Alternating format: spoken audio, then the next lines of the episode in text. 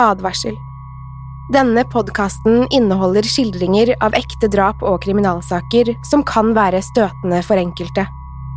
Det advares også mot sterke inntrykk i deler av episoden. Philadelphia 25. februar 1957 Det var en kald ettermiddag i Pennsylvania.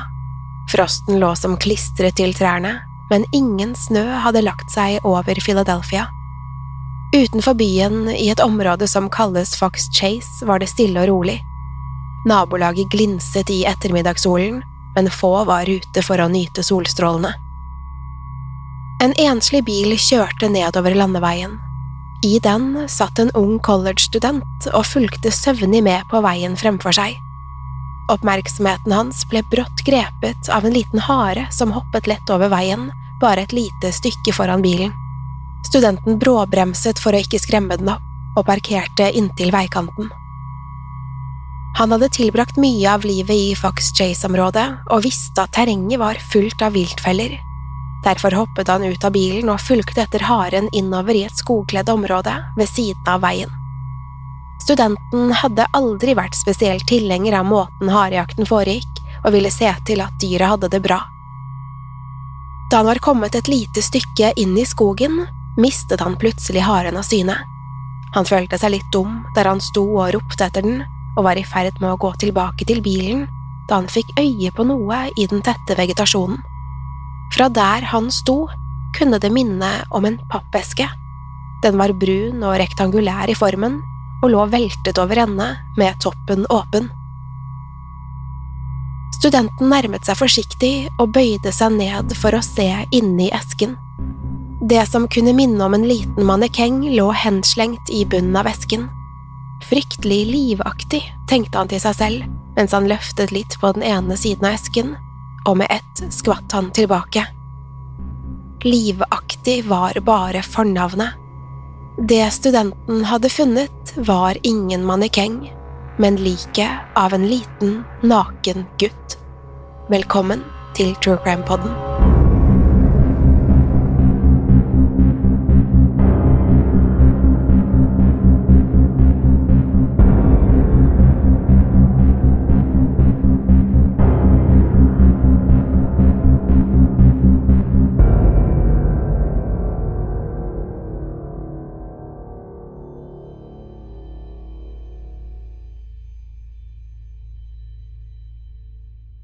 Etter å ha oppdaget liket av den unge gutten i pappesken, nærmest sprintet studenten tilbake til bilen sin. Der ble han sittende med ansiktet i håndflatene mens han forsøkte å fatte hva han nettopp hadde sett. Skulle han gå til politiet? Han måtte vel det. Det var det eneste rette, men han ville ikke havne i trøbbel. Kanskje det var best å la det hele være. Studenten kjørte hjem igjen, hvor han satt og stirret i veggen resten av ettermiddagen og kvelden. Han fikk ikke sove den natten. Alt han klarte å tenke på, var gutten som lå der ute i den mørke skogen. Morgenen oppbrant, og fremdeles hadde ikke studenten bestemt seg for hva han skulle gjøre, men så skulle han se noe som satte fart på samvittigheten hans. En liten jente hadde forsvunnet fra New Jersey samme dag som han hadde funnet liket. Kunne det være henne? Han var sikker på at det var en gutt han hadde sett i esken, men nå begynte han å tvile. Studenten kunne ikke vente lenger. Han var nødt til å melde ifra om hva han hadde sett. Derfor fortet han seg ned på politistasjonen og fortalte om barnet i esken. Politiet var raskt på stedet studenten hadde pekt ut, og der skulle de finne esken. Pakket inn i et pledd lå det døde barnet fremdeles. Det var ingen tvil om at det var en gutt, altså kunne det ikke være jenta som hadde forsvunnet dagen i forveien. Men om det ikke var henne, hvem var det da? En arbeidsgruppe av etterforskere ble straks satt på saken. Deres oppgave var i utgangspunktet enkel – å finne ut hvem gutten var, og hva som hadde skjedd. Funnstedet ble sperret av, og liket av gutten ble sendt til en rettsmedisiner for obduksjon. Det var ingen tvil om at noe forferdelig hadde skjedd. Gutten var kraftig banket opp, og politiet regnet med at det var det som til slutt hadde tatt livet av ham. For utenom skadene så gutten ut til å ha vært fryktelig underernært. I tillegg hadde han flere operasjonsarr både på ankelen, i skrittet og på haken. Gutten hadde blå øyne, var lys i huden og mørk blond i håret. Da han ble funnet, hadde armene hans vært pent foldet over magen, og han så ut til å ha blitt stelt enten like før eller like etter han ble drept. Håret var blitt klippet kort, og neglene hans var pene og kortklipte. Rettsmedisinerne konkluderte med at gutten måtte være mellom fire og seks år gammel. Hvor lenge han hadde ligget i esken, var vanskelig å si. På grunn av det kalde været hadde ikke kroppen kommet langt i forråtnelsesprosessen. Altså kunne han ha ligget der i én til to dager, så vel som én til to uker. Fingeravtrykkene hans ble tatt, og dermed regnet politiet med å ha et navn innen kort tid. Det skulle likevel vise seg å være mer komplisert enn først forventet. Etterforskerne gikk gjennom alt de hadde av informasjon, men det så ikke ut til å være noen savnet sak inne for gutten. Det var heller ingen som hadde stått frem med informasjon om ham. Dermed sto politiet uten spor i de første fasene av etterforskningen. Det skulle likevel ikke gjøre interessen for saken noe mindre. En liten gutt var funnet død i en pappeske i skogen, og det var en sak pressen ikke kunne la gå. Over hele området var saken om den døde gutten forsidemateriale. At ingen visste hvem gutten kunne være, var rystende. Et barn dukker ikke bare opp død uten at noen vet noe. Alle aviser ville være førstemann til å avsløre guttens identitet, og derfor var det flere som trykket opp flygeblader med bilde av gutten på.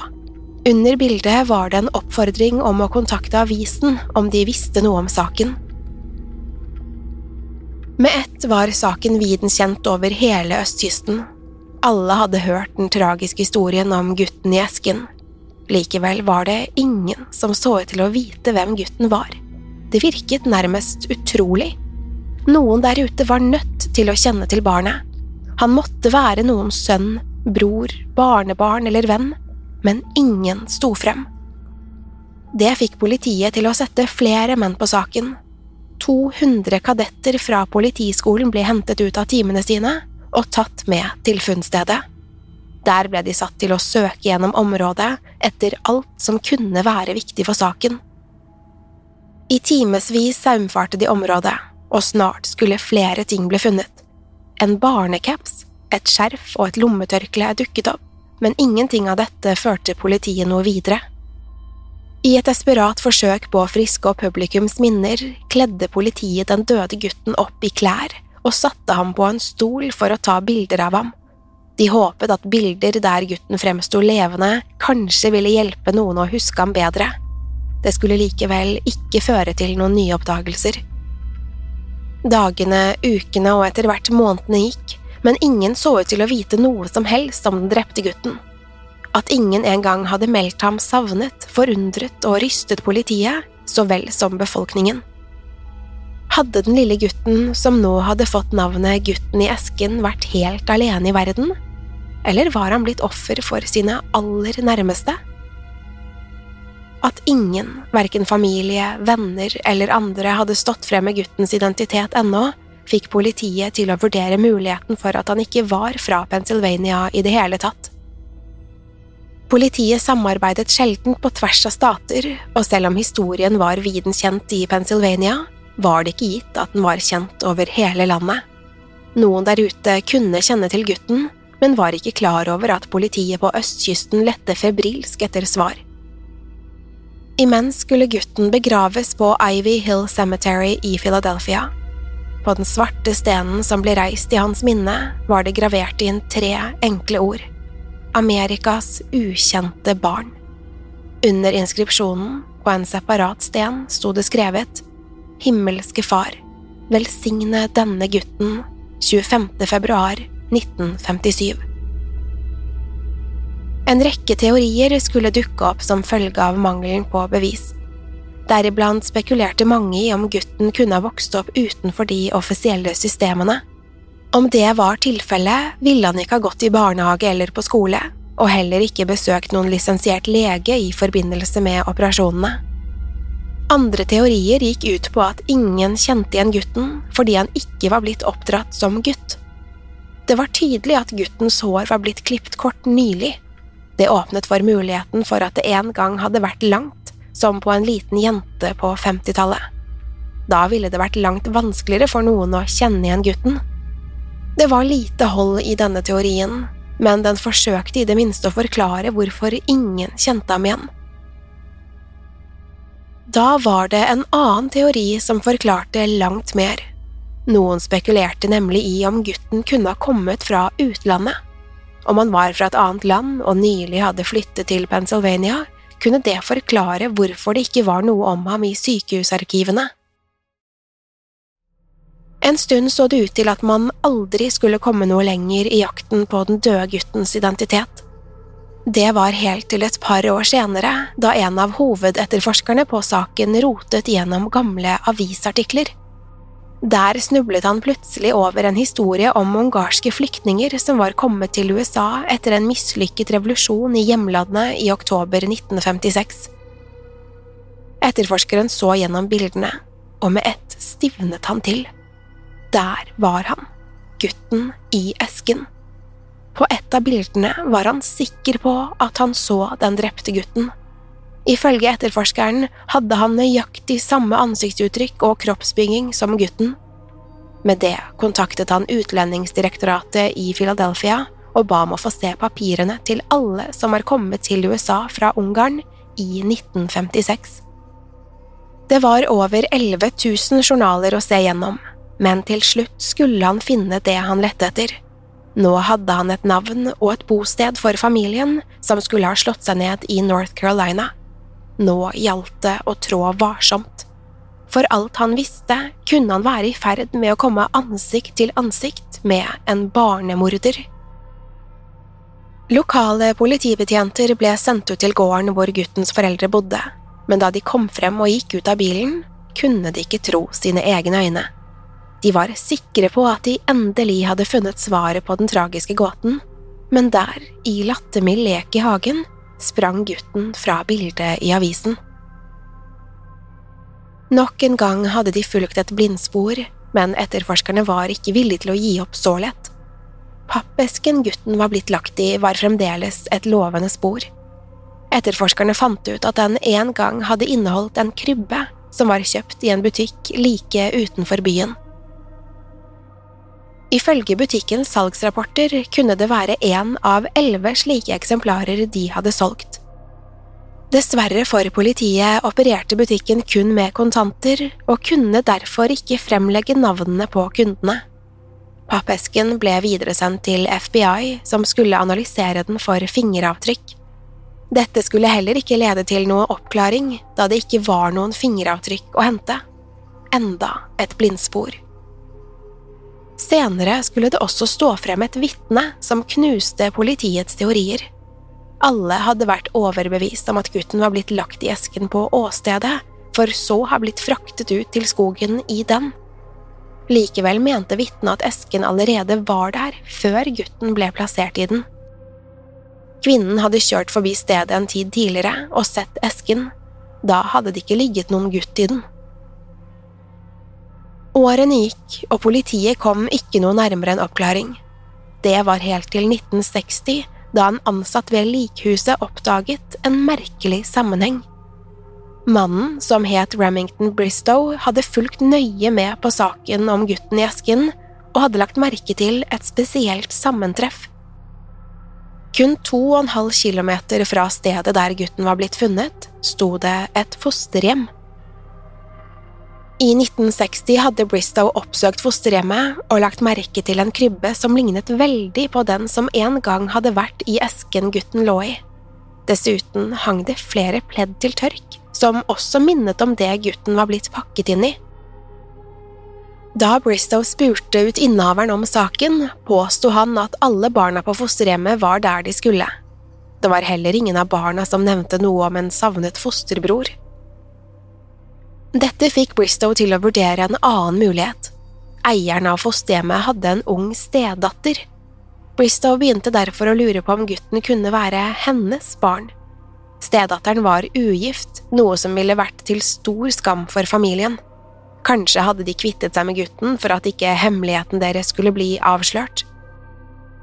Hele sitt voksne liv skulle Bristow klamre seg til denne teorien, men ingen beviser var å oppdrive. Da han døde i 1993, hadde det gått over 30 år siden gutten i esken ble funnet, og politiet hadde ikke kommet noe lenger i etterforskningen. Saken var og forble et mysterium. Verden var en ganske annen på 90-tallet enn den hadde vært i slutten av 50-årene, og alle så ut til å ha glemt den forsømte gutten i pappesken. Det var helt til en gruppe privatetterforskere, kjent som The Vidac Society, begynte å interessere seg for saken. Gruppen besto av pensjonerte politietterforskere og rettsmedisinere som møttes regelmessig for å gå gjennom uløste saker. Ved hjelp av denne gruppen skulle guttens grav gjenåpnes slik at den kunne DNA-testes. Kanskje dette endelig skulle gi svaret på hvem det drepte barnet var, og hvordan det hadde havnet der. DNA ble hentet ut av en tann, og med det kunne testingen begynne. Med den typen DNA kunne man i det minste avgjøre guttens slekt og kanskje finne ut hvor han kom fra. Nå var det bare å vente, og mens de ventet, skulle flere underlige ting skje. I 2000 hadde en eldre kvinne ringt til et psykiatrisk sykehus i Philadelphia og fortalt at hun hadde informasjon om et drap. Sykehuset kontaktet straks politiet, som fikk tak i kvinnen. På grunn av taushetsplikt skulle kvinnen kun omtales som Martha, men hun hadde en ganske interessant historie å fortelle. Det skulle likevel ta hele to år å få all informasjon ut av Martha, men da hun var ferdig, hadde politiet en relativt troverdig historie foran seg. Ifølge Martha var hun den eneste datteren av to lærere. I 1954, da Martha selv bare var ti år gammel, hadde moren hennes tatt med henne til et ukjent nabolag. Martha hadde fulgt med fra bilen mens moren gikk bort til et hus og banket på døren. En kvinne med et lite barn på armen åpnet. Marthas mor hadde gitt kvinnen en konvolutt, og kvinnen hadde overlevert barnet. Martha visste ikke riktig hva som hadde skjedd, men hun mistenkte at foreldrene kunne ha kjøpt gutten. Ifølge henne hadde foreldrene holdt det lille barnet i kjelleren, og hun hadde aldri sett noe særlig til det. Over de neste to og et halvt årene hadde gutten blitt fryktelig mishandlet, frem til 1957, da noe skulle skje. Martha mente å huske at gutten hadde kastet opp etter å ha spist, noe som hadde fått moren til å rase. Da hadde hun lempet ham over i badekaret, for å så slå ham i hjel. Etter at gutten var død, hadde Marthas mor klippet håret hans kort og vasket ham ren, før hun pakket ham inn i et pledd og la liket i bagasjerommet på bilen. Etter det hadde de kjørt til Fox Chase, hvor den døde gutten ble lagt i en eske, før de kjørte derfra. Politiet kunne ikke tro sine egne ører.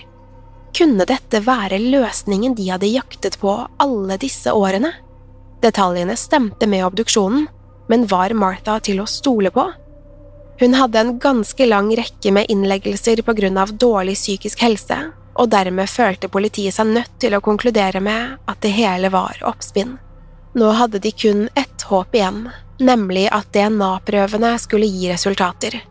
Det skulle ta nye 20 år før noe mer skulle skje i saken, men da politiet kalte inn til pressekonferanse i desember 2022, kunne de bekrefte én ting – gutten i esken var blitt identifisert. Under en lang pressekonferanse forklarte politiet i Philadelphia hvordan de hadde arbeidet med saken siden dens begynnelse i 1957. De kunne fortelle at de, gjennom DNA-testing og genealogiske analyser, hadde funnet medlemmer av guttens familie. Deriblant kunne de avsløre at de hadde funnet søsknene hans. Av hensyn til deres privatliv kunne de ikke gå ut med verken navnene til guttens foreldre eller øvrig familie, men de kunne gi gutten i esken navnet sitt tilbake. Etter over 65 år med mystikk og usikkerhet var den drepte gutten identifisert som fire år gamle Joseph Augustus Sorelli. Mer kunne likevel ingen si om saken på det tidspunktet. Selv om vi nå vet hva gutten het, vet vi ingenting om livet hans, eller hvordan han endte opp død i en pappeske ved siden av veien i Fox Chase, Philadelphia. Den informasjonen er foreløpig enten konfidensiell eller ennå ikke bekreftet. Historien om Philadelphias største mordmysterium er langt ifra over, og politiet arbeider fremdeles aktivt med saken, til tross for at det er gått over 65 år siden funnet av Joseph.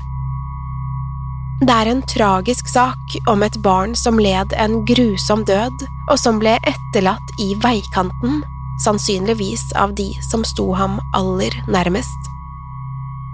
Josephs grav står fremdeles på Ivy Hill Cemetery og blir vedlikeholdt av staten så vel som innbyggerne i Philadelphia. Der legges det fortsatt ned blomster og leketøy regelmessig, til minne om en ukjent gutt som etter så mange år skulle få navnet sitt tilbake. Hadde det ikke vært for noen få ildsjeler, ville Joseph kanskje blitt glemt av historien, men nå lever han i folks minner. Kanskje vil vi en dag få den hele og fulle historien til gutten i esken, og kanskje vil vi forstå hva slags grusomheter han måtte gjennomgå. De fleste med personlig informasjon fra 1957 begynner å falle fra, noe som gjør det vanskeligere å få klarhet i hva som skjedde. Likevel er det en mulighet for at noen der ute fremdeles sitter på informasjon som kan forklare Joseph Sorellis siste dager. Selv etter så mange år er det stor interesse for saken, og Joseph Augustus Sorelli vil for alltid være Amerikas ukjente barn.